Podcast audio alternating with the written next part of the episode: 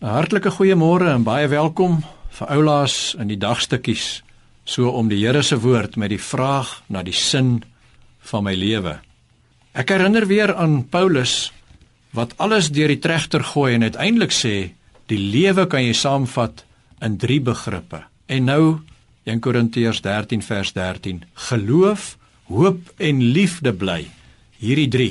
En die grootste hiervan is die liefde.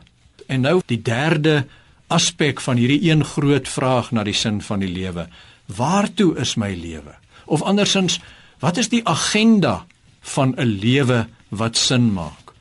Hoe wil God dat ek sal lewe in die eerste plek om hom te verheerlik?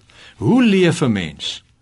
Met watter soort agenda as jou bestemming is? Ek het 'n hoop daarop dat die hemel met God vir my wag. Wel is nie moeilik eintlik om te raai nie, want daar bly een van Paulus se drie begrippe oor: liefde.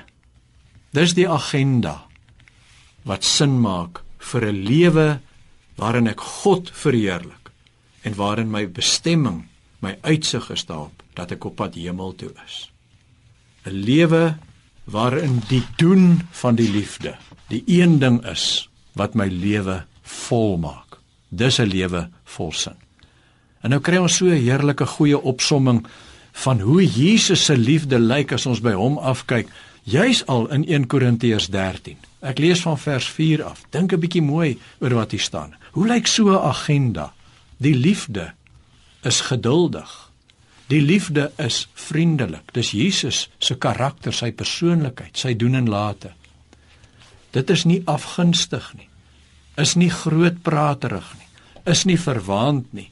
Dit handel nie onwelvoeglik nie en dan reg in die middel soek nie sy eie belang nie. Is nie lig geraak nie. Hou nie boek van die kwaad nie. Dit verbly hom nie oor onreg nie, maar verheug hom oor die waarheid. Die liefde bedek alles glo alles, hoop alles, verdra alles. Ai, dink net hoe sal die lewe en die wêreld lyk as jy en ek deur die gees van Christus al meer vernuwe word om so te leef in Jesus se spore sodat al meer mense om ons die liefde van Jesus ontdek en saam met ons op pad na die hemel toe sal wees waar dit al sal wees wat oorbly Dink net, hoe sal ons paaie lyk? Vol geduld en nie eie belang soek nie. Ons vergaderings, ons verhoudings met ons werkers en ons baase, ons gesinslewe, ons huwelike, ons sosiale kuiertjies en partytjies, al meer tot eer van God omdat ons in liefde leef en al meer op pad hemel toe met hierdie drome in my hart. Dis waarvoor ek hier is. Amen.